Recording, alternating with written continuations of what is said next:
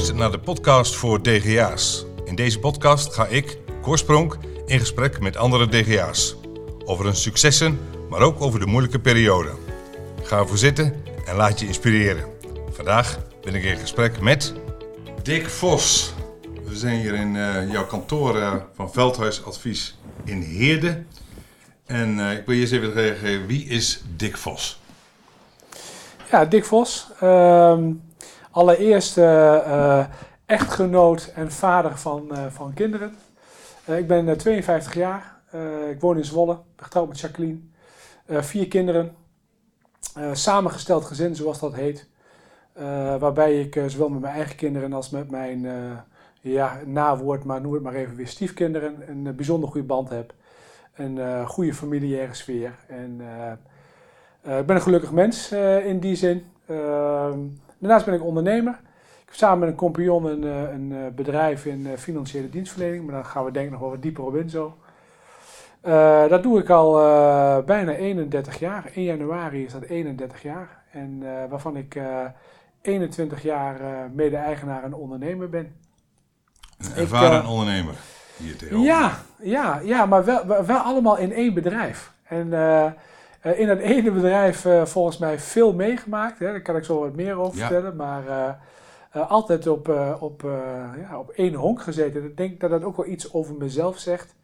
Dat ik ben wel redelijk honkvast. En als ik me ergens prettig voel... en ik heb een, een gevoel van comfort en veiligheid... dan ja, heb ik niet zoveel reden om, uh, om andere dingen te gaan doen. Ja, mooi. Um, inderdaad, ik zag Zwolle. En 14 september ben je 51 geworden. 52. 52, kijk ja. eens aan. Ja.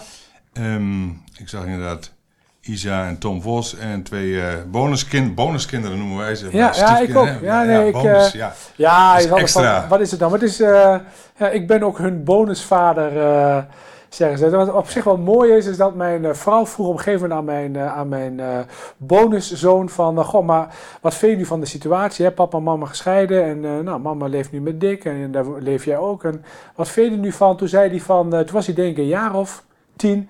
Hij zei, nou weet je, ik vind het wel goed zo. Want ja, weet je, papa is mijn papa en Dick is mijn allerbeste vriend. Ah, nou, toen dacht ik bij mezelf, weet je, dit is een stabiele basis. Ja. En, ja. Dus en hoe oud is hij nu? Uh, 21. 21. Dus je hebt, ook zo heb je hem door de tienertijd helemaal geloodsen. Ja, ja, ja, ze hebben eigenlijk de, de, mijn bonuskinderen, laten we vanaf nu bonuskinderen noemen, die hebben eigenlijk altijd bij ons gewoond. Uh, en uh, ik heb altijd gezegd van, joh, ja, ik ben niet jullie vader. Maar zolang je bij me woont, heb ik wel vaderlijke taken. En ik zal dat gewoon doen zoals ik denk dat het het beste is. En, joh, en dan kijken we wel waar we met elkaar komen. En ondertussen heb ik een ja, super goede band met, met, met, met de kinderen. Dus ja, ben ik, echt, uh, ik heb echt twee kinderen erbij gekregen. Dus ik, daarom zeg ik ook altijd van, ik heb gewoon vier kinderen. Ja, ja mooi, mooi. Ja. Inderdaad, wonen in Zwolle. Ik ga even kijken, hobby's wielrennen en voetbal, denk ik. Nou, ik heb nog een andere hobby. Uh, dat is mijn grote passie geworden. En dat doe ik nu een jaar of zes, zeven, is kickboksen. Kickboksen? Ja. ja, en dat is voor ondernemers en dat kan ik echt iedereen aanraden. Ik wil ik daarbij zeggen dat ik... Uh, ik, ik heb totaal geen agressie in me. Uh, dus kickboksen is voor mij echt een sport. Um, uh, en ik ben nooit een vechter geweest. Ik, ik heb nog nooit gevochten op straat of zo, hè, nog nooit. Uh, maar ik vind het echt een geweldige sport. je, je, je traint je hele lijf, je maakt je, je hoofd echt volledig leeg als je anderhalf uur aan het boksen bent. Je kunt nergens anders mee bezig zijn dan dat, want ik, ik doe ook al wat aan sparren. En als ik even niet oplet, krijg ik tik. Dus ik moet gewoon geconcentreerd zijn. Ja. En het is voor mij de ultieme uitlaatklep. Dat is mooi. Dat is ook natuurlijk voor debiteurenbeheer van jullie bedrijf is dat natuurlijk ja, ben, ook een uitermate gelijk... goede hobby om te noemen hier zo ja. in deze podcast. Ja, ik ben gelijk de incassoafdeling. Ja, ja, ja, ja, heel goed. Ja. Nou, mooi. Maar wielrennen ook nog wel? Ja, zomerperiode, veel fietsen. Oké. Okay. Ja. Uh, favoriete voetbalclub? Pek Zwolle en Feyenoord? Ja, ja ik, ik had een beetje voorzichtig mee zijn, hè, want uh, Pek Zwolle kun je wel noemen. Uh, maar als je Feyenoord noemt, dan heb je altijd weer mensen die Ajaxiet zijn en uh, geen verzekersklant willen worden omdat ik een Feyenoorder ben. Ja, ja, ja. Ik hou van mooi voetbal, Cor, laat ik het maar zo zeggen. Ja, dan zal het Ajaxiet zeggen, dan moet je bij ons wezen. Maar misschien moet je hem dan toch van Facebook afhalen. Want daar heb je, ja, daar heb je zo'n uh, nog zo'n linkje staan. Muziek, ben je liefhebber van muziek? Ja, zeker. Ja. Ik vind zoals nu uh, de top 2000 die weer aankomt. Dan heb ik echt de hele dag of ik nou thuis werk of hier of in de auto heb ik de radio aanstaan op Radio 2. En uh, ja, ik, ik hou van, uh, van, van variatie. Ik heb niet één artiest waar ik helemaal weg van ben. maar ik hou wel van ja, wat oudere muziek, hè, zoals Eagles en dergelijke, vind ik wel mooi. Maar ik hou ook wel van wat modernere muziek. Maar ik vind top 2000 is voor mij echt een prachtige periode. Ja, ja. ja. Oh, mooi. Um, auto of autorijden? Een Audi e-tron. Audi e-tron. Volledig ja, elektrisch? ja, wij zijn... Uh, mijn compagnon en ik hebben allebei een Audi e-tron gekocht dit jaar.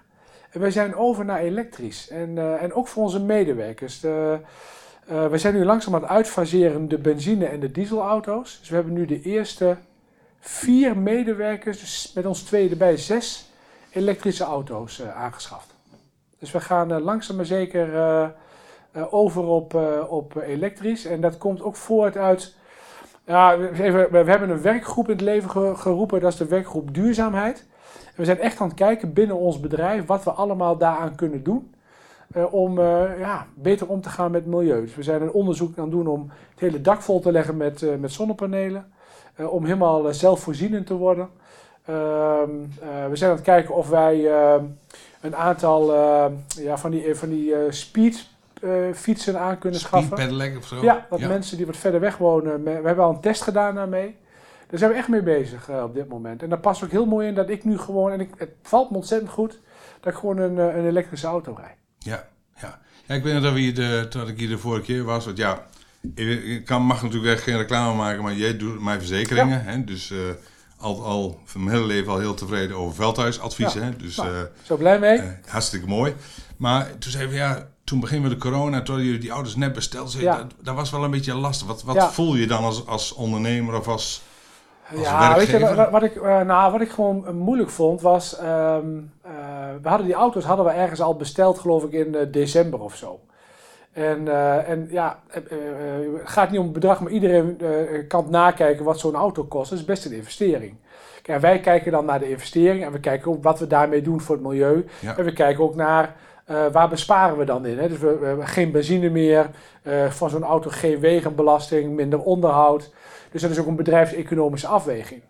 Alleen toen brak corona uit en uh, vlak daarna, 1 mei, werden die auto's geleverd. Ja, en dan heb ik op mijn, mijn, mijn parkeerplaats heb ik dan een auto staan die veel geld kost. En dat is een nieuwe auto. Terwijl het de klanten zijn die het op dit moment gewoon ontzettend moeilijk hebben. Ja, dat vind ik lastig. Ja. En, en dus wat ik gedaan heb, we hebben eh, extra laadpalen aangeschaft. En ik heb tegen de medewerkers gezegd uh, die dan uh, de, de Hyundai Kona Electric hebben, waarvoor we die hebben aangeschaft. Zet jij je auto nou aan de voorkant neer en laad hem daarop en dan zet ik mijn auto aan de achterkant neer. Dus ik heb heel bewust, hebben we onze auto zoveel mogelijk, ja, halen we uit het zicht. Omdat ik, ik misschien, misschien bescheidenheid of, of ik weet het niet, maar ik vind het gewoon niet, het geeft me geen prettig gevoel dat ik uh, klanten over de vloer krijg die uh, hier komen omdat ze de premies niet kunnen betalen. En mijn uh, oude e-tron staat voor de deur. Ja. Dat voelt niet goed. Ja. ja, auto's blijft toch altijd, denk ik, tussen heel veel ondernemers wel een gevoelig iets. Ik bedoel, ja. ik ben zelf ook autogek, hè. Maar, ja, ja. Um, zal ik mensen zeggen, het zegt me helemaal niks. Maar, nou, dank je wel voor je eerlijkheid. Lees je wel eens boeken? Ja, met name in de, in de vakantieperiode. Um, en voor de rest kom ik er niet zo heel erg aan toe. Um, Zijn het dan studieboeken of, of Nou, ja, een beetje wisselend. Uh, ik heb uh, uh, het boek van Nelson Mandela gelezen. Nou, natuurlijk geweldig om te lezen en een mooie inspiratie. Hè. En, en wat me met name aanspreekt is... en, um, dat is ook een beetje hoe ik in elkaar zit en hoe we als bedrijf willen zijn, maar betekenisvol willen zijn. Nou, als iemand betekenisvol is geweest, en ik wil mezelf niet vergelijken, hè, let op, uh, maar wel mooi om te lezen en om daar inspiratie uit te halen. Maar ik vind, uh, ik heb niet zoveel met, met succesvol zijn. Ik heb veel meer met betekenisvol zijn dan succesvol. En ja, dan is dit boek is natuurlijk wel geweldig. is het dan ook, is het dan, je mag toch succesvol zijn? Je mag toch, je, je bent, hè, je, je hebt gave talenten gekregen. En als je die goed gebruikt, dan ben je succesvol. Ja. In ieder geval in het gebruiken van die gave talenten. Ja. Um, dat is niet, misschien niet eens eigen, eigen verdiensten, maar het is ook ja. mogen laten zien wat je hebt ontvangen, zeg maar. Ja, ja nou ja. Je hoeft niet, niet op de borst te kloppen, maar... Nee, nee, nee dat klopt. Um, kijk, maar weet je, om betekenisvol te kunnen zijn, moet je ook wel succesvol zijn. Want uh, kijk, betekenisvol zijn wil zeggen dat je mensen helpt zonder dat je daar wat voor terug verwacht. En dat je soms dingen voor klanten doet zonder dat je daar geld voor vraagt, omdat je vindt dat het nodig is. Uh, en wij, doen ook veel om de wereld, uh, voor de wereld om ons heen. We doen heel veel met mantelzorgkinderen. En dat zijn dingen dat kost geld. En dat kun je doen omdat je succesvol bent. Maar wat voor mij, misschien de vraag rond die vijftigste, van ja, nou ja, 20, 25 jaar dit gedaan. Hoe ga ik dan de komende jaren in? En dan denk je, ja, hoe, als ik dan ooit de ogen definitief dicht doe, hoe wil ik dan herinnerd worden? Hè? Dan, en dan, ja, dan kunnen mensen zeggen, oh, maar dat was nou een succesvolle ondernemer. Of mensen zeggen van, joh, dat is een betekenisvolle ondernemer geweest. Of een betekenisvol mens geweest. Ja, en, en, en, daar heb ik heel veel mee. Met, met, met dat fenomeen. Um, uh, en en dat, dat kunnen we ook doen dankzij het succes wat we met dit bedrijf hebben en hebben gehad. Um, maar daar leef ik niet bij. Dat leef ik niet voor. Dat, ik, ik leef ervoor om voor mensen iets te kunnen doen, om betekenisvol te zijn. Dick Mandela, zo op zich best wel mooi klinken eigenlijk. Ja, ja, ja. ja. Nog andere boeken? Ja. Nou, uh, leuk is, mijn vrouw en ik zijn allebei helemaal gek van Zweedse krimis. Dus uh, wij kijken alles op uh, Netflix en op Videoland wat met Zweedse, Zweeds, Scandinavische, Deense detectives te maken heeft. en en daar, ook daarvan vind ik de boeken mooi. Dus in de vakantieperiode lees ik dan toch wel veel van dat soort boeken. En, uh, en daaromheen, uh, ja, dat is een passie van ons allebei. In onze vrije tijd, heerlijk om zo met z'n twee op de bank te liggen en dan even drie delen van een uh, goede serie te kijken. Ja, ja, ja. Rijden de criminelen allemaal in Volvo of niet? de meeste wel, ja. ja, mooi. Ja, ja. Heb je iemand waar je, wat een idool van je is, waar je tegenop kijkt? Um, nou, nee, ik heb niet zoveel met, ik, met mensen waar ik tegenop kijk. Wat ik zeg van. Uh, kijk, ik vind uh, Steve Jobs is natuurlijk een kerel die een bedrijf gebouwd heeft, die een merk gebouwd heeft. Ja, waarvan ik echt wel denk van, wauw, jeetje, als je dan, ik heb ook zijn autobiografie, zijn biografie, biografie gelezen.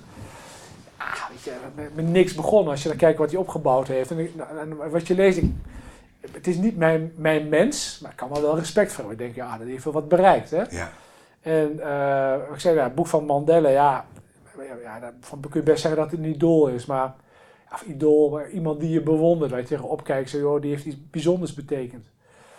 Um, uh, dat zijn wel een beetje de mensen. En, en ja, ik heb meer van, ik heb ja, voor veel mensen respect, voor veel ondernemers respect wat die bereikt hebben. En um, uh, voor veel mensen wat ze het leven bereikt hebben. Maar ik heb niet echt een idool, zeg van, nee, nee, daar ben ik niet zo van. Ja, je, je zit bijna je hele leven al hier in, in Veldhuisadvies, maar ik wil even een stapje ja. daarvoor maken. Ja. Uit wat voor nest kom je? Ik kom uit een uh, arbeidersgezin. En uh, mijn vader werkte bij, uh, bij Scania in de fabriek. Aan de lopende band eigenlijk, hè. een onderdeeltje van een vrachtauto in elkaar zetten. Dus in Zwolle is dat? Ja. ja. ja. En mijn moeder was schoonmaakster op een school. En, dus ik kom echt uit een, een arbeidersgezin. En ja, weet je, wel uh, uh, prima opgevoed. Ehm, met name gewoon de goede arbeidsethos. Hè? Van, joh, als je iets wil bereiken, moet je ervoor werken. dus in die zin heb ik ja, van mijn ouders iets goeds meegekregen. Mijn ouders waren ook... Ehm, hè, die, die, als ze dan iets nieuws kochten, waren ze er erg zuinig op. Hè? Want die, nou ja, alles wat gekocht werd, werd, was hard voor gewerkt. We waren gelukkig thuis niet van het lenen. Dus mijn ouders hadden nooit leningen. Die werkten en die spaarden en dan kochten ze iets. En zo ben ik opgevoed. En uh, ja, dat heb ik nog steeds. Hè. Dat ik, uh, ik, ik, smijt geen geld over de balk. Uh, ook richting mijn kinderen. joh, als je iets wil bereiken, moet je er wat voor doen. En ik ben altijd bereid, want mijn ouders hebben... we hadden niet financieel veel ruimte vroeger. Dus ik heb niet veel financiële steun van mijn ouders gehad. Ehm, en dat kan ik nu wel wat meer doen richting mijn eigen kinderen. Uh, maar ze zullen er zelf ook wat voor moeten doen. En dat is wel een beetje hoe ik opgevoed ben. Heb je zussen? Uh, ja, één zus, een oudere zus. Um, uh, en ja, weer gewoon, gewoon een, een, een net standaard gezin. Alleen wat um, waar, ik wel, waar ik wel last van gehad heb, is. Um, bij ons was, hoe zeg je het adagium van jongen als je voor een dubbeltje geboren bent, dan word je nooit een kwartje. Dus ik kom ook uit een gezin en uit een buurt van, eh, van eh, we vonden onszelf dubbeltjes. En, eh, en ik woonde in Hattem. En in Hattem had je natuurlijk ook mensen die woonden in de villa-wijk. En dat waren de ondernemers, de middenstanders, de artsen uit het ziekenhuis. Dat waren de kwartjes. En ja, jij bent een dubbeltje. En maak je geen illusies, je wordt nooit een kwartje. Oké, dus dat was, zou ik maar zeggen, dat was je opvoeding, dat was je Ja. Referentiekader. Dat was mijn referentiekader, Ja. ja, zeker. Ik zie, je hebt HAVO, heb je HAVO 5 gedaan. Ja. Dus eigenlijk best wel, best wel eh, een kopie-kopie. Ik kon VWO doen, eh, maar dat werd niet eh, gestimuleerd of gemotiveerd. HAVO was al goed, want mijn zus had huishoudschool gedaan. Neefjes en nichtjes, dat was over het algemeen LTS en MAVO. Dus HAVO was ik al echt een beetje de bolleboos van de familie. Ja. En dat was goed genoeg. En eh, waarbij ik nu naar mijn eigen kinderen zeg van, joh, weet je, je moet zelf weten wat je doet.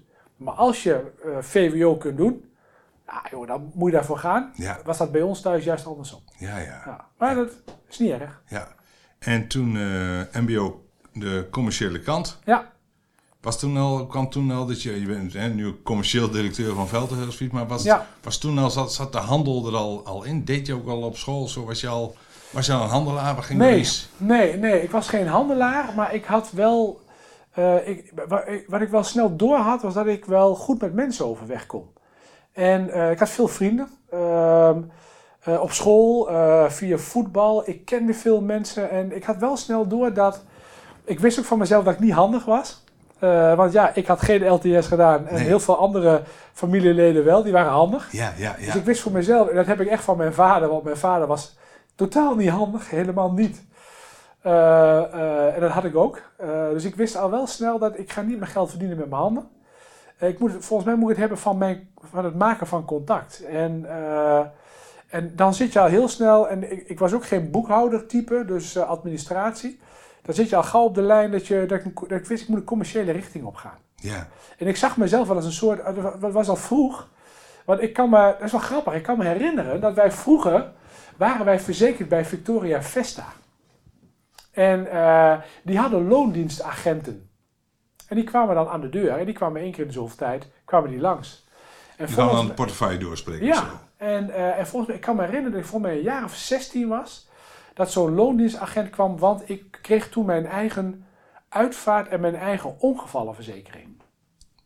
En eh, die man die kwam langs, want ik ging dan van de polis van mijn ouders af en dan kreeg ik mijn eigen polis. En ik kan nu achteraf, als ik dan terugkijk, denk van ja, dat was misschien niet zo heel erg handig, maar ja, wat zo'n man vertelt, geloof je dan? Ja, Maar toen had ik het idee, ik denk, hé, hey, dit zou ook wel een beroep voor mij kunnen zijn.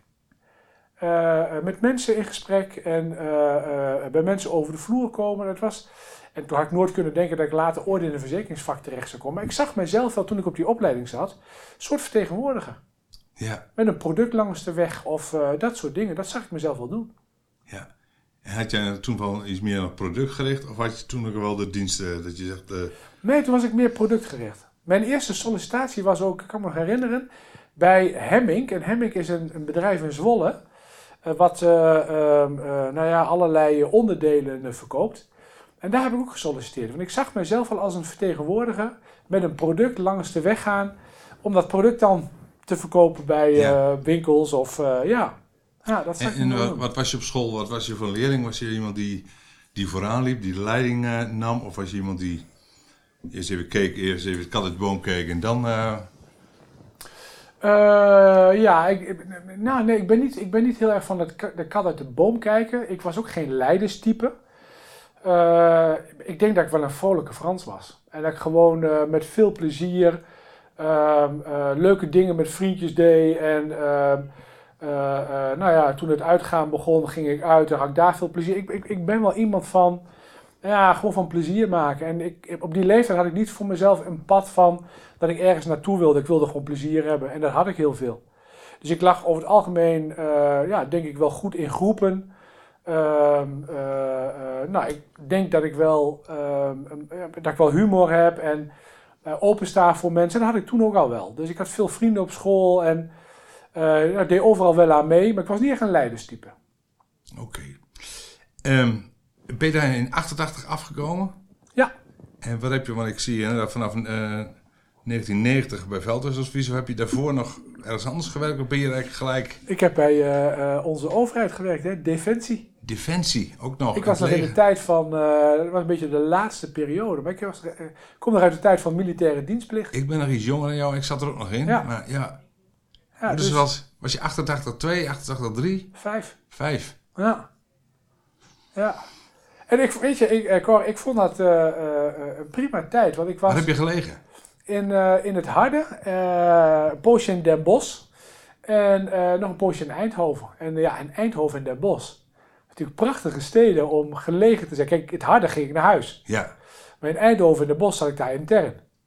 Ja, prachtige steden om op die leeftijd te genieten van je vrije tijd, vrije tijd en het uitgaan. ja, Dus, ja. En was je soldaat of corporaal? Of al, Nee, ik was, eh, ik was soldaat en eh, ik was landroverchauffeur. Dus ik had ook nog een heel leuk baantje. Ja, En ik heb gewoon heel veel plezier gehad. Ik heb daar ook nog contacten uit overgehouden. eh. en, en, en met name de, de laatste periode toen ik in het harde zat. ik kon in, mijn- zeg ik bij, in mijn jeugd kon ik aardig een balletje trappen.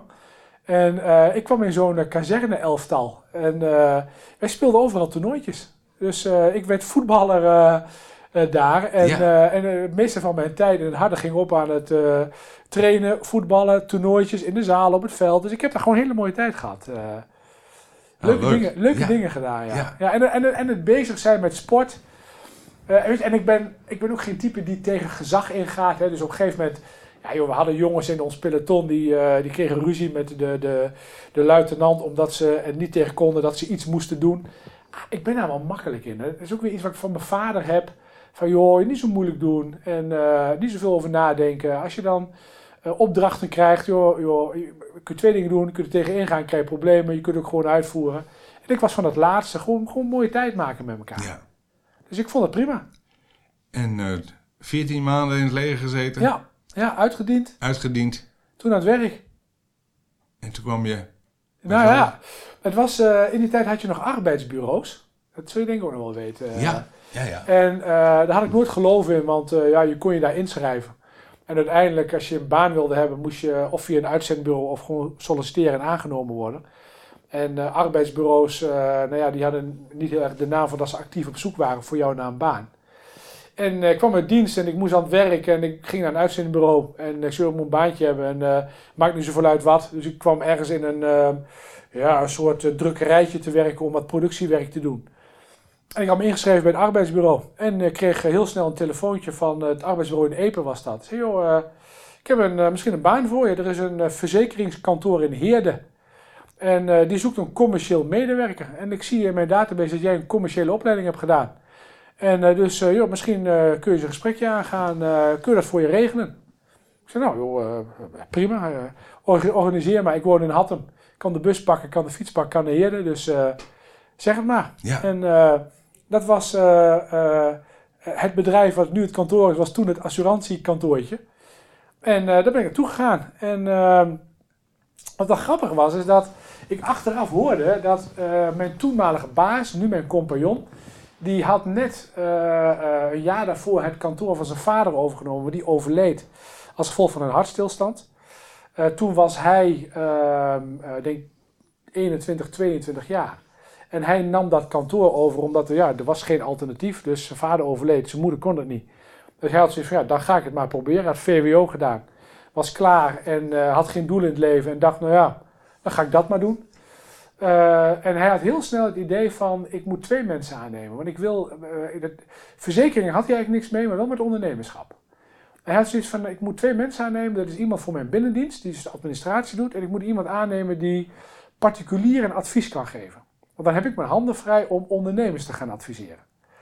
En eh, hij nam Herma aan. En Herma zit hier nog steeds. De, waar ik in mijn 31ste jaar zit, zit zij in haar 32ste jaar. En hij had het idee, ik moet een, eh, een, een jonge vent aannemen die particulieren gaat doen. En dat weet ik. En ehm, eh, hij had, ehm, nou, ik denk al wel tien sollicitanten gehad. En eh, eh, ja, er was niemand bij die hij geschikt achtte.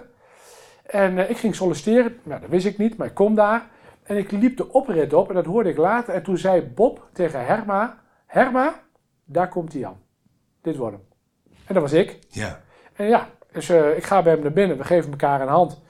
En kort vanaf de eerste seconde was er een klik. Ik kan niet beschrijven wat het is, maar we hebben geloof ik twee uur lang zitten praten over eh, eh, voetbal. Over eh, de, de, de discotheek in Heerde, de Esculaap, die ken jij misschien nog wel. Want we kenden elkaar niet, maar we kwamen er allebei blijkbaar. Ja. Ook over de meisjes die daar kwamen. Alles besproken. Het ging niet over het werk, maar we hadden zo'n klik met elkaar. En, ehm, en uiteindelijk zei hij tegen mij: Nou, weet je, je moet nog even één ding doen: is een sollicitatiebrief schrijven. Dan is het officieel. Heb ik gedaan en hij nam mij aan. En eh, dat was mijn eerste echte baan. En toen kwam ik hier te werken en we zijn met elkaar van start gegaan en we zijn nooit meer uit elkaar gegaan. Ja. Als je nu terugkijkt, die klik, wat, wat kun je nu na 31 jaar, kun je al zeggen wat dat dan was en nog steeds is? Ja, eh, dat kan ik. Ehm, eh, kan ik wel eh, aan de hand van een voorbeeld geven, want eh, wat wij altijd doen als een medewerker ons bedrijf verlaat, en of het nou is omdat wij niet meer verder willen of omdat de medewerker zegt ga een andere kant op, dan gaan we altijd even met de medewerker nog een hapje eten. Even goed afwikkelen met elkaar. En wij zaten met een, een, jonge medewerkster te lunchen. Die ging bij ons weg op haar eigen initiatief. En die zei maar, joh, jullie werken nou zo lang samen, hè? Hebben jullie nou nooit eens een keer ruzie met elkaar gehad in al die jaren? Eh, nee, nee, ik kan het niet bedenken. Bob, jij? Nee, nee, nee, nee. Ah, hij zegt, je hebt toch wel eens een keer een aanvaring gehad of een keer een flinke botsing of zo. Of dat je even dacht van, ah, ik ben die vent helemaal zat. Nee, nee, eigenlijk niet. Maar hoe kan dat dan? En dan kom je bij de vraag van, hoe, waar zit die klik dan in? En toen zeiden we, ja weet je, eigenlijk is het heel simpel. Wij rijden allebei elke dag naar Heerde, als er geen corona is, Ja. met maar één doel om er een mooie dag van te maken. Om plezier te hebben. Met de mensen om ons heen. Om lol te hebben. Om even een keer een schuine grap. Of een keer lachen, gieren, brullen. Of wat gekkigheid. D- Dat is wat we allebei hebben. Punt 2. We hebben geen enkele afgunst. Jaloezie. ehm, ik- ik ken dat gevoel niet. Ja, als een man te lang naar mijn vrouw kijkt, kan ik wat jaloers worden. Ja. Maar ik ken geen jaloezie en dat heeft hij ook niet. We gunnen elkaar alles. En eh, we hebben dezelfde humor. Eh, maar we zijn ook heel verschillend. Ehm, en, en, en, ja, we, we zijn allebei geïnteresseerd in voetbal. Ehm, we kunnen uren met elkaar lullen over, eh, over eh, eh, nu over corona. We hebben zoveel dezelfde interesses, maar wat, wat bovenaan staat is, we hebben zo plezier. En dat hadden wij vanaf de eerste seconde in dat gesprek. We hebben twee uur lang gewoon een hartstikke gaaf gesprek gehad. Waarin we aan het einde van het gesprek zeiden van, joh, nou, alsof we elkaar al jaren kennen. En Bob zei wel eens tegen mij, ehm, ik had in jou mijn jongere broertje gevonden die ik nooit gehad heb. En dat gold voor mij eigenlijk hetzelfde, want ik heb, ik heb één zus. En daar kan ik ook heel eerlijk van zijn, ja, daar heb ik niet een hele bijzondere band mee. Ehm, eh, en ik vond misschien ook in hem wel die oudere broer die ik nooit gehad heb. En ja, dat is eigenlijk altijd zo gebleven. Dus je kunt soms dingen niet onder woorden brengen, hè, dat is gevoel. Ja. En ik probeer het nu toch onder woorden te brengen. Ja, ja, ja. Ehm, Nou, dus ook, als mensen nu je lichaamstaal zouden zien, hè, dan zouden ze al meer zien, maar het is ook eh, die woorden. ja. En eh, toen hij jou op die parkeerplaats zag aankomen, zag hij en voelde hij eigenlijk Ja. in zijn onbewuste, ja. dit is het, zeg maar. Maar hij zei het ook, hè? Dat, dat hoorde ik dus pas later. Herma, kijk eens, daar komt hij aan. Dit wordt hem. En toen hebben we elkaar nog geen seconde gesproken. Nee. En dat is, ja, ehm, ja bijzonder. Ja. En dan, eh, dan ga je iets bouwen met elkaar, hè? Ja, ja.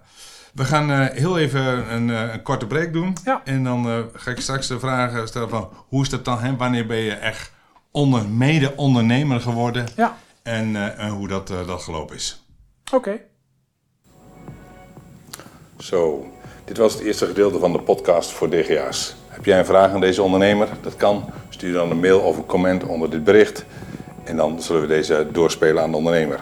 Wil je elke week geïnspireerd raken door deze podcast? Abonneer je dan op het kanaal op YouTube, Soundcloud, Spotify, Apple Podcast, waar je deze ook maar luistert. En dan word je elke week op de hoogte gebracht als er weer een nieuwe podcast online staat. Dan gaan we nu door naar het tweede gedeelte. Je hebt een enorme klik met, met Bob. Samen plezier eh, hebben en elke dag eh, met plezier naar je werk gaan. Ja. Maar ja, dat is toch een dubbeltje, hè?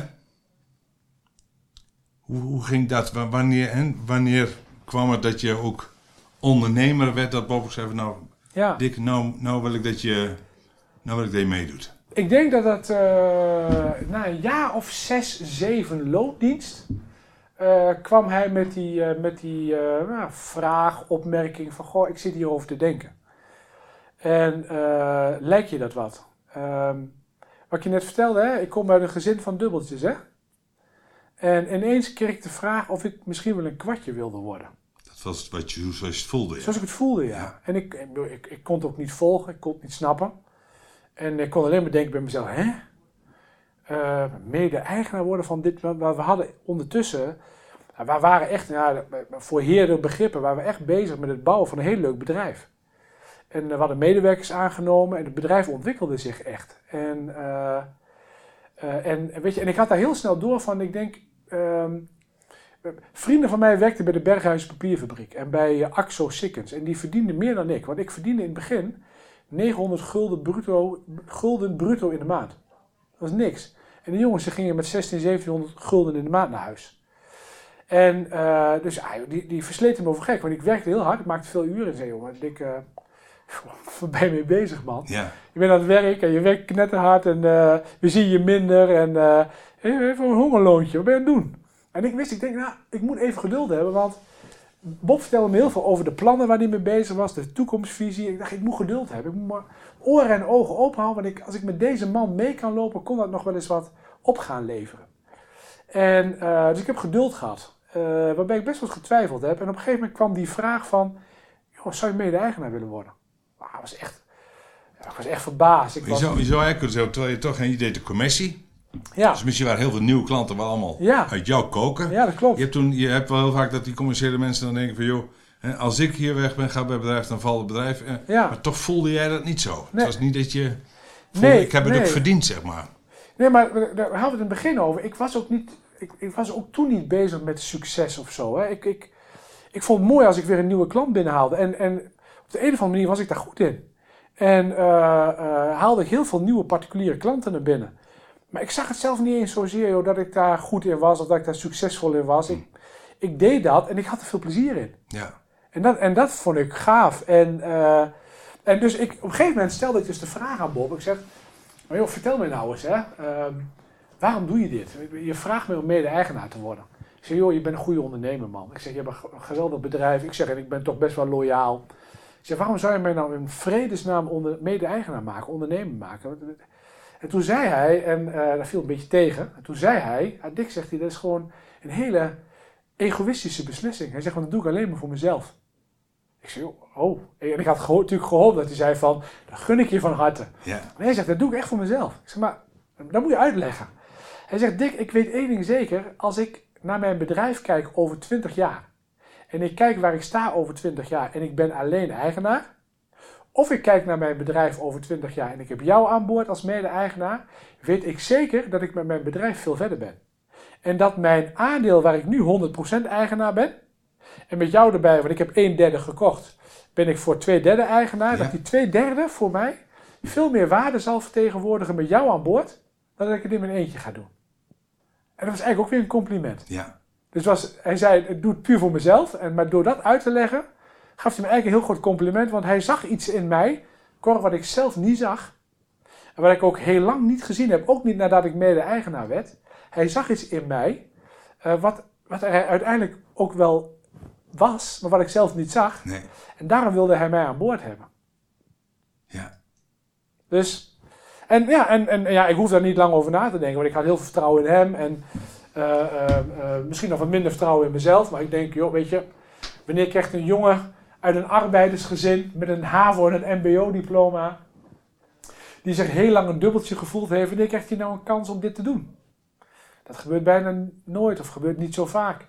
Dus ik, ja, ik, ik was heel snel eruit. Ik zei, ja, weet je, maar dat, dat traject wil ik graag met je in. Ja. En eh, nou, dat hebben we heel voorzichtig gedaan. We hebben, ons heel, hebben, we hebben mij heel voorzichtig gebracht. En eh, precies na tien jaar loondienst, precies tien jaar, 1 januari, eh, of 2 januari zaten we bij de notaris. En heb ik een, eh, een derde van de aandelen gekocht, eh, eh, tien jaar later. Ja. Mooi zeg. En toen werd ik ondernemer. Ja. En dat vond ik heel spannend. Want ik vond mezelf niet zo'n ondernemer. Dus ja. Maar goed, we zijn van start gegaan. En ik heb, ik heb echt een poosje nodig gehad om, om, om te voelen dat het bedrijf ook voor een deel van mij was. dus ik heb me nog wel even een, een poosje daarna voelde ik me meer loondienst dan dat ik me ondernemer voelde. Kun je wel elementen noemen waarvan je zegt, ja, toen, dat waren stapjes. Dat ik dacht van ja, ik, uh, ik, ik, ben, het, ik ben het echt. Ja, um, uh, ik merkte aan mijn collega's, uh, waar ik natuurlijk um, jarenlang als collega mee gewerkt heb, en ik voel me nog steeds wel collega, maar dat die, um, dat die meer waarde gingen hechten aan wat ik vond. En uh, ik werd veel meer bevraagd, ook met name door Bob, over, mijn visie. Wat vind je daar nou van? En, uh, um, en ik ging er meer over lezen. Ik ging uh, meer lezen over waar het in de wereld naartoe ging, waar het op mijn vakgebied naartoe ging. En ik ging mezelf ja, bekwamen, en met name door, door kennis en, en te vergaren en daarover te sparren. Ehm, ik ging ja, ook lid worden van, van, van, van besturen. Uh, ik ging bij een juniorkamer. Uh, uh, en dus ik ging, ik ging er ook wat aan doen ehm, ja, om me meer ondernemer te voelen. En dat heeft allemaal geholpen. Um, dus in die zin, ik ging leiding geven. We werden als organisatie groter. Ja. En ik ging ook leidinggevende taken op mij nemen. waardoor je ook als ondernemer moest gaan denken. Um, ik ging me in netwerken begeven. Uh, ik ging me echt in ondernemerskringen begeven. het heeft allemaal geholpen. En, uh, en weet je, en voor mij is dat goed geweest, want ik ben meer van de weg van de geleidelijkheid. En, uh, en dat is voor mij prima geweest. Dus ik ben langzaam maar zeker ben ik in het ja, ondernemerschap gegroeid. En, ehm, eh, en, en, waar ik best wel, moet ik zeggen, wel, wel moeite heb gehad hoor. Want als je nou een jonge kerel bent en je komt bij ondernemers over de vloer die wat ouder zijn en die zich veel meer voor je gevoel bewezen hebben. En dan moet jij dan adviezen aan gaan geven en dan moet jij mee gaan sparren. Ah, daar heb ik best wel moeite mee gehad. Uh, uh, maar ehm, ja, uiteindelijk is dat wel. Eh, wat ik ervan geleerd heb, hè, is dat. Ehm, ik had in die periode ehm, aan mijn ouders schatten van mensen, maar had ik niet veel. Hè. Ik kon daar niet mee sparren. Over mijn gevoelens over het ondernemerschap. En ik was best wel wat onzeker en ik liep best wel tegen dingen aan. Um, uh, ik had aan mijn compagnon ook niet de sparringspartner. Dan kon ik wel sparren over het bedrijf, ja. maar wat minder over gevoel. Um, dus ik had niet veel mensen om mij heen. En uh, um, ik had eigenlijk gewoon in die tijd iemand moeten hebben, iemand moeten vragen, moeten zoeken. Die met name over dat aspect van het ondernemerschap, wat doet het met, nou met jou als mens, ja. dat ik daarover had kunnen sparren. Dus ik heb het best wel pittig gehad in, die, uh, in, in een aantal jaren. Uh, en dat raad ik nu iedere jonge ondernemer aan, maar ook mensen in mijn bedrijf. Uh, want ik was in die tijd, ik was getrouwd, uh, ik had jonge kinderen. Ik zat in een heel hectisch leven. Hè? Ja. Je, je, hebt een ja. hectisch gezinsleven.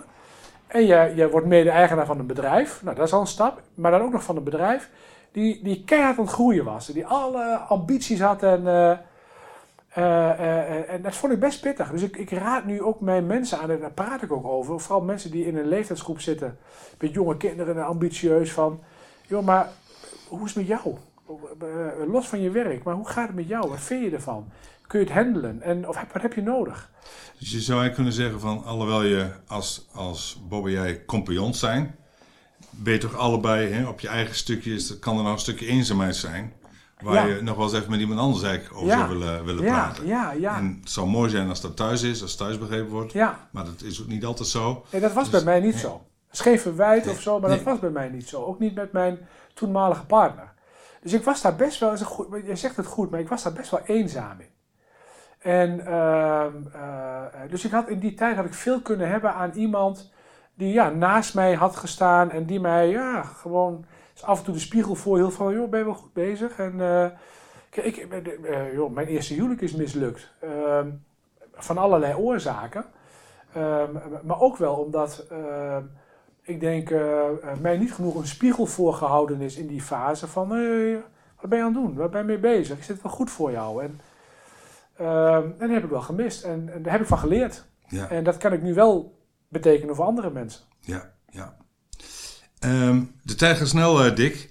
Um, veldhuisadvies. Kun je weer kort uitleggen nu, hè, na, ja. na 31 uh, jaar. Wat is veldhuisadvies als je dat, dat in een paar ja. zinnen moet noemen? Nou, we zijn een, uh, in ieder geval financieel adviesbedrijf, hè, waarbij de hoofdmoot is verzekeringen. Ehm, en daarvan is de hoofdmoot zakelijk advies. Dus we hebben, ik denk, 4.000, 5.000 bedrijven als klant die wij bedienen met risicoadvies. hoe ga je om met je risico's? verzekeringsadvies, dus het inkopen van verzekeringen is ontzettend belangrijk geworden. Ehm, collectief pensioen voor medewerkers, financiële planning voor de ondernemer zelf, arbodienstverlening. dus eigenlijk alles op gebied van werknemers, bezit van de onderneming, aansprakelijkheid. Daarop geven we adviezen. Dat doen we eigenlijk voor, uh, voor klanten van klein tot groot. We hebben kleine klanten, dat zijn ZZP'ers. die zijn van, bij ons van harte welkom. die krijgen ook een goed advies en goede aandacht. en daarnaast hebben we een aantal nou, toch wat grotere bedrijven. dan moet je denken aan nou ja, fabrieken in diepvries kipproducten tot nou, een hele grote klant van ons is BNC raamdecoratie. Nunspeet. ja, Nunspeet, waar we alles voor doen op verzekeringsgebied.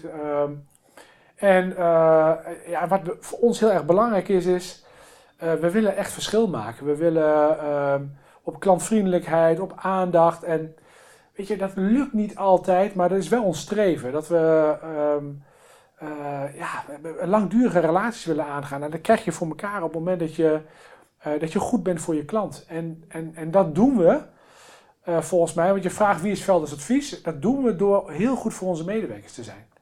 Dus we hebben, onze missie is duurzame bijdrage leveren aan geluk en gezondheid van mensen en organisaties. Daar staat niks in over mensen goed verzekeren. Daar staat in dat het duurzaam is. Eh, geluk, uh, gezondheid. En wij geloven er erg in dat als wij goed voor onze mensen zijn, en dat doen wij met um, uh, vitaliteitsprogramma's, dat doen wij met gezond eten, dat doen we met werkdrukbeheersing. eigenlijk is bij ons alles mogelijk om, om vitaal te blijven. en dan geloof ik erin dat zo'n medewerker die, die dat ervaart, op een andere manier een klant bedient, op een andere manier de telefoon oppakt. En, en daar, daar zijn we heel erg mee bezig in ons bedrijf. En dat is denk ik waar we voor staan. Ja. Dat ons ook wel anders maakt dan anderen. Volgens mij eh, een man of 70 aan het werk. Ja, 70 mensen. Um, we nemen nu op, het is 10 december. Um, midden in de coronatijd. Ja. ja. we zouden hopen niet midden, we zouden hopen aan het eind van de coronatijd. Midden in de tweede golf. Maar uh, heel weinig mensen nu bij jullie op kantoor, terwijl je allemaal ja. Uh, uh, gezonde werkplekken hebben en gezond samen lunchen, zag ik, en allemaal hele gezonde dingen doen. Kun jij voorzien Um, wat vitaliteit in de komende, hè, in 2021, voor een, nou, voor een kans heeft, hadden we in het voorgesprek al even over. Ja. Wat gaan we tegenkomen? Ja, weet je, wat, wat ik zie, hè, we hebben natuurlijk we hebben een arbodienst, we hebben een uh, ziekteverzuimafdeling. Uh, wat we op dit moment zien is dat er uh, heel veel ziekmeldingen zijn met psychische klachten. Dus mensen die thuiswerken en die door het thuiswerken vereenzamen. Die door het thuiswerken het verschil niet meer zien tussen werk en tussen privé. Ik hoorde een voorbeeld dat op een gegeven moment iemand op zaterdagochtend achter zijn computer kruipt en zijn vrouw uit bed komt en zegt: Hé hey, Jan, het is zaterdag. Die, was gewoon, die man was gewoon even besef kwijt, ja. omdat hij zo leeft van werk naar privé. En, dus dat, dat, dat zien we gebeuren. dus wat, wat volgens mij heel erg belangrijk wordt en waar wij nu mee bezig zijn, is um, ervoor zorgen dat de mensen die thuis werken ook in hun thuissituatie iets aan gezondheid gaan doen. Dus uh, mensen bewust maken van het feit dat ze ook in de gelegenheid stellen, maar joh, je hoeft niet acht uur op een dag te werken als je thuis werkt. Je moet je werk doen. En als het voor jou werkt dat jij ochtends een, uur, half uur eerder begint en dan tussen 10 en 11 een half uur gaat wandelen. Of tussen de middag een half uur gaat eten en een half uur gaat wandelen. Of dat in de namiddag doet. Het maakt ons niet uit. Uh, dat je wat vaker een kopje koffie pakt en of even met je partner gaat zitten en even, gaat, even rustig gaat koffie drinken. Het maakt ons niet uit. Wij vertrouwen jullie en wij weten dat jullie in staat zijn om je werk gewoon goed te doen. En maak nu zelf een schema waardoor jij de dag goed doorkomt. Durven ze dat? Durven jullie werknemers dat? Ja, ja, en, en uh, sommige werknemers moeten we echt motiveren. Sommige werknemers zeggen, hé, hey, wat fijn dat het mag. Want ja, daar heb ik eigenlijk wel heel erg behoefte aan. Want we zitten in de winterperiode. De dagen zijn kort. Ik word s morgens wakker en ik begin aan mijn werk, is donker. En dan werk ik en als ik klaar ben, is het weer donker. En eigenlijk, je hebt best mooie dagen erbij, dat het wat zonnig is. Dus ja, als ik dan wat jullie betreft, gewoon dan op een moment op die dag even een uur eruit mag. En ik mag gewoon even een uur gaan fietsen of gaan wandelen. Joh, uh, fantastisch. Ja, ja, dan zeggen wij, ja, eigenlijk hoef je niet eens te vragen. Want wij geloven erin, en dat weet je ook bij ons, dat als dit jou de dag goed doorhelpt of de week goed doorhelpt, ga dat dan doen. Hou rekening met je collega's. Dus op het moment dat jij eruit stapt voor een uur, check even of er genoeg collega's ingelogd zijn om de klanten te bedienen. Ja. Maak de afspraken over met elkaar. Maar pak die vrijheid. Ga dat doen. Hoe doe je het zelf? Hoeveel uur werk je nu? Uh, nou, ik werk op dit moment heel veel, omdat het heel erg druk is. Uh, maar ik vind dat ik, dat ik, het goed in balans heb. Want ik werk, uh, ik werk veel thuis, maar ik ben ook regelmatig op kantoor. En als ik thuis ben, ik heb een hond. Dus ik vind het heerlijk om s'morgens de dag te beginnen om met de hond een half uur, drie kwartier te gaan wandelen. Vervolgens meestal om een uur, of ik heb nog een, een zoon thuis die studeert, maar die studeert online. Uh, mijn vrouw werkt, maar die is ook veel thuis. Dus joh, even om een uur of tien lekker een bakje koffie doen. Tussen de middag lekker met elkaar lunchen. Ik kom prima de dag door. En, en ik heb soms dat ik gewoon even in de middag... Ik heb thuis een ruimte waar ik ja, een beetje kan fitnessen. Maar dat ik gewoon even een half uurtje even wat ga doen. Even uit het werk stap. En zo kom ik prima de dag en de week door. En ik gedij er goed bij. En dat gun ik mijn mensen net zo. Ja, ja. Wat voor baas ben je dan? Ben je, wil je vrienden zijn met je baas? Of?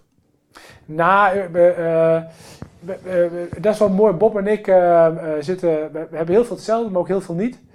En ik denk als je kijkt naar de verdeling bij ons, um, dan ben ik meer ehm, ehm, de collega onder de mensen dan de baas. waarbij ik soms wel heel erg baas kan zijn. en met name als het gaat om als ik iets zie in mijn organisatie wat uh, het belang van de grote groep aantast, dan kan ik uh, heel directief zijn en erop ingrijpen. Ehm, maar meestal als het gaat om de dingen die de mensen aangaan, dan ben ik vaak degene die het doet. En Bob is wat harder dan ik. is ook wat beter in het nemen van harde beslissingen. En dat is wel een beetje de rolverdeling die wij hebben. Ehm, als wij met een verzekeraar in gesprek moeten om iets voor elkaar te krijgen, hè, dat is good cop, bad cop. Dan ben ik de good cop en zij de bad cop. Uh, daar vullen we elkaar ook prima in aan. Uh, maar over het algemeen zijn wij, uh, en hebben we allebei wel, maar ik, wat meer, ik kan wel hard op de inhoud zijn, maar ik ben altijd zacht op de mens. En dat is denk ik wel, en Bob kan wat harder op de inhoud, ook wat harder op de mens zijn. En dat is soms ook nodig, Cor. En, en, dus daar hebben we een prima rolverdeling in.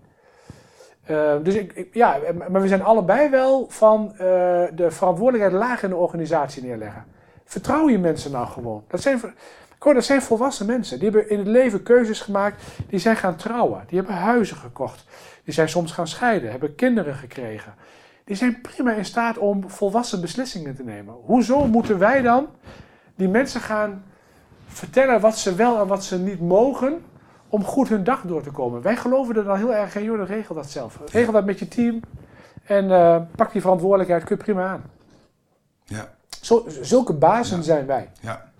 Ik heb nog even een, uh, op zich een, uh, een interessevraag. Alles is nu, wordt steeds meer een beetje, hè, er wordt wel heel veel angst um, gezaaid, of hoe je het wil noemen. Ja. Vanuit de overheid ook, hè, heel veel angst. Heb je het idee dat die angst, dat dat mensen toe aanzet om meer te verzekeren? Um, dat is een beetje ja en nee. Um, wij zijn heel erg, en dat is een, een, een beetje gek, want misschien tegen mijn eigen, eigen werk inpraten, maar wij zijn heel erg, met name als het gaat om, om ondernemers, van ik wil jou alles vertellen over jouw risico's. Ik wil je alles vertellen wat jouw bedrijfscontinuïteit in gevaar brengt. Ik ga je vertellen hoe je daarmee om zou kunnen gaan. Ik ga je vertellen hoe je dat zou kunnen verzekeren. Maar jij bent ondernemer en jij neemt je beslissingen. Dus ik wil jou in staat stellen om je eigen beslissingen te nemen, wat je wel en wat je niet regelt en afdekt. En uh, dus wij zijn geen productverkopers van, hey, jij bent een, een, een uh, ondernemer in de installatiebranche. Oh, dan moet je die en die en die verzekering hebben. Nee, je bent ondernemer. We gaan kijken naar je risico's. Wat wil je?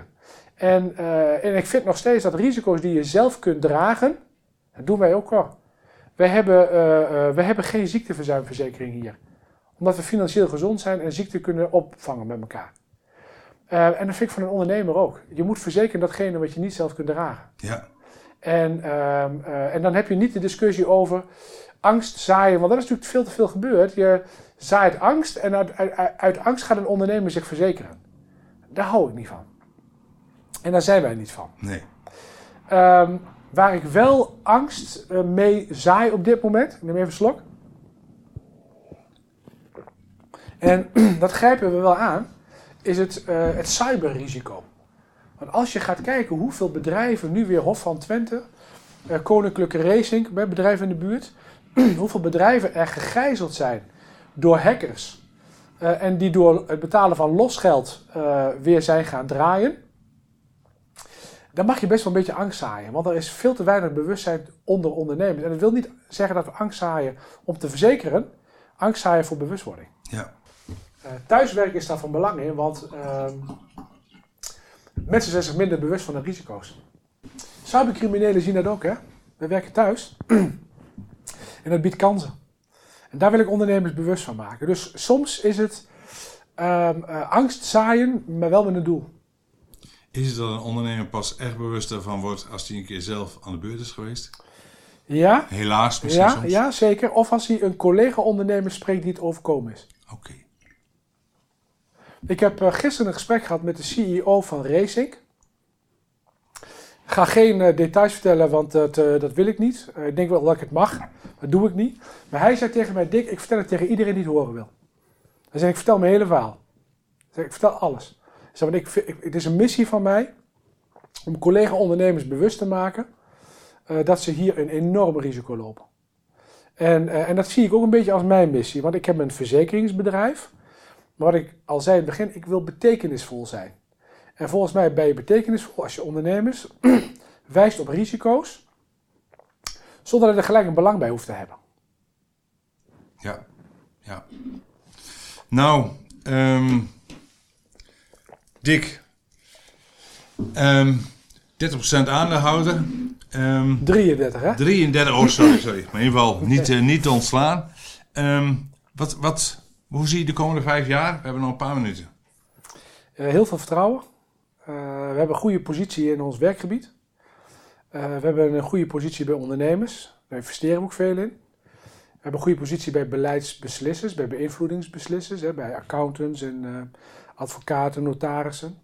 dus we hebben nog hele mooie plannen. We zien vooral op de zakelijke markt enorme kansen om bij weet je, een ondernemer die wil ondernemen. En die wil eh, niet bezig zijn met zijn risico's en met zijn verzekeringen. Die wil gewoon een partij hebben die dat gewoon goed voor hem regelt.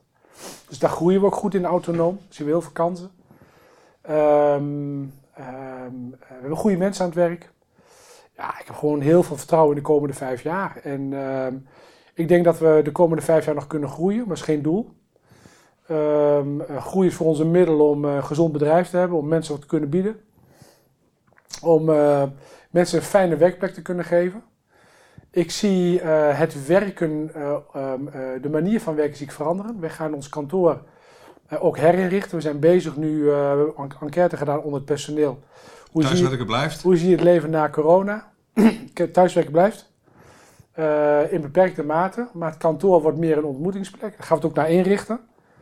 Ehm, wat ik nu merk, wij krijgen, wij krijgen veel ehm, eh, sollicitanten, veel jonge mensen die hier wel willen werken, omdat wij veel doen aan die vitaliteit. En omdat we veel doen voor onze omgeving. Dus we, we doen veel voor de mensen om ons heen. Eh, noem het maar even de wat, de, wat zwakkeren, en dat is een nawoord, maar mensen Die wel wat hulp kunnen die gebruiken. wat hulp kunnen gebruiken, ja. En, ehm, dus ik denk ook dat wij, ehm, eh, we hebben elk jaar, of we hebben continu hebben we vier stagiaires, eh, die we hier een kans geven. Eh, en die heel graag na de stage over het algemeen willen blijven. Ehm, ja, ik, heb, ik heb heel veel vertrouwen in, eh, in, in, in, ons bedrijf. In ehm, eh, het werk wat we doen, hè, in, in, in, de business waarin we zitten. Ja, ik, ik zie dat met veel vertrouwen tegemoet. Ik heb ook veel zin in. Ik heb ook nog de energie om hier, nou ja, je zegt over vijf jaar, dan ben ik 57. Ja, joh, ik, ik heb geen idee waar, waar, waar ik dan als mens sta, maar ik heb geen eh, plannen om de tent te verkopen, zoals veel ondernemers in ons vakgebied nu doen. Dus ik Ja. wil nog even graag met Bob een paar jaar door en Ja. eh, de mensen om ons heen. Ja. Ja, Nou, ik denk dat, eh, dat je wel mag, mag spreken van een gelukkig huwelijk hè, tussen Bob en jou. ja als, als ondernemers. We zijn, we zijn overigens wel ooit begonnen met hele goede huwelijkse voorwaarden. Ja. Dus dat zijn natuurlijk ook dingen waar we goed over nadenken. Hè? Als je verliefd bent, dan moet je volgens mij is dat het moment om goede huwelijkse voorwaarden te maken. Ja. ja. Maar op het moment dat je uit elkaar gaat en je moet het dan nog regelen, dan, uh, dan lukt het niet. We hebben ze nooit nodig gehad, Cor. Het is, uh, wat jij zegt, ja, zo zie ik het. Het is echt een gelukkig, gelukkig huwelijk, ja. Ja, mooi. Ja. Heb je nog een, een daar sluit ik eigenlijk hè, elke podcast voor DGA Ja. mee af, een, een ultieme tip waarvan je zegt van ja, als ik, meestal als ik ondernemers wil, wil adviseren, dan is, is dit, dit komt toch heel vaak voor, dat, dat ik dat uh, mag, Ja. mag geven, zeg maar. Ja. Mag. Ja, het is, ik denk dat het al wel benoemd is, maar dan ga ik dat toch echt nog een keer zeggen tot slot. Investeer in je mensen. Want het, eh, weet je, als jij denkt dat je het alleen kunt doen, als jij denkt dat je de belangrijkste figuur in je organisatie bent, forget it. De mensen waarmee je werkt, eh, en in ons geval hebben we de 70, maar of het nou 70 zijn of het zijn de 7, investeer in die mensen. Eh, creëer een cultuur van veiligheid, een cultuur van vertrouwen, waar alles gezegd mag worden. Um, uh, geen cultuur van de hiërarchie, maar je doet dat samen. En, en, en ik merk echt dat uh, wij hebben de afgelopen jaren echt veel in onze mensen geïnvesteerd. En we krijgen het gewoon hartstikke mooi terug. Dus dat is echt een tip die ik wil geven. Um, maak je mensen belangrijk, niet jezelf. Je hoort heel veel organisaties zeggen, nou, wij gaan nu, gaan wij, we gaan nu onze klant centraal stellen. Dan denk je, wat heb je de afgelopen jaren dan gedaan? Voor ons is het logisch. We hebben vanaf dag 1 onze klanten centraal gesteld. Hoef je niet eens te benoemen, want dat is zo logisch als wat. Maar wij hebben gezegd: nee, maar joh, dat is sowieso wel bij ons uh, uh, geregeld. We gaan onze mensen centraal stellen. We gaan onze mensen uh, bovenaan de piramide zetten en onszelf eronder. En we gaan er alles aan doen om die mensen het gevoel te geven: wauw, wat word ik hier gewaardeerd? Wat vind ik dit een gaaf bedrijf? En ja, dat is, dat, ja, ik kan alleen maar uit eigen ervaring spreken. vitale mensen zijn gelukkige mensen maken gelukkige klanten, werken lang bij je, uh, houden energie uh, en je krijgt het echt terug. Dus dat zou echt mijn tip zijn uh, aan mijn collega-ondernemers. Oh, ga dat doen. Dus heb je het meer over, over kosten, maar dan heb je het eigenlijk over opbrengsten. Ehm, je, je, hebt kosten en investeringen. En dit zijn investeringen, hè, dus de, de, in je mensen investeer je. Maar het rendement op die investering is in ons geval supergoed. En ik wil iedereen uh, uitnodigen als je daar wat meer over wil weten. Dus kom eens langs bij ons. Kom eens kijken hoe wij het kantoor hebben ingericht. kom eens luisteren, daar, daar, daar, daar, praat ik graag over. Hoe wij dat zien, hoe we daarmee begonnen zijn en waar we nu staan. En we zijn ook weer bezig al met de volgende stappen. Na corona, hoe kunnen we mensen helpen? Ook door thuiswerken, de combinatie. Wat gaan we nou doen met elkaar? Om die volgende stap te zetten. En dat, joh, daar praat ik graag over met collega-ondernemers. Geheel belangeloos. Kom eens kijken. Nou, super. Dankjewel Dick. Je bent een, uh, een warme ondernemer. En bedankt dat je in deze podcast was. Nou, heel graag gedaan. Ik vond het erg leuk om, uh, om dit te doen. En uh, ik voel me bij jou ook erg vertrouwd. Dus praat graag over nou ja, de zaken die mij bezighouden met, met jou. Omdat ik het gevoel dat dit dan ook uh, uh, ergens goed terechtkomt, uh, Cor. Dus jij ook bedankt. En dan zijn we nu aangekomen aan het einde van deze podcast voor DGA's. Wil je regelmatig geïnspireerd worden door de verhalen van andere DGA's? Abonneer je dan op deze podcast. Ben je DGA en wil je wel eens verder praten over de onderwerpen die je gehoord hebt? Dan maak ik graag een afspraak met je. Je weet mij vast wel te vinden. Voor nu zeg ik, ik wens je nog een fijne dag. Hoi!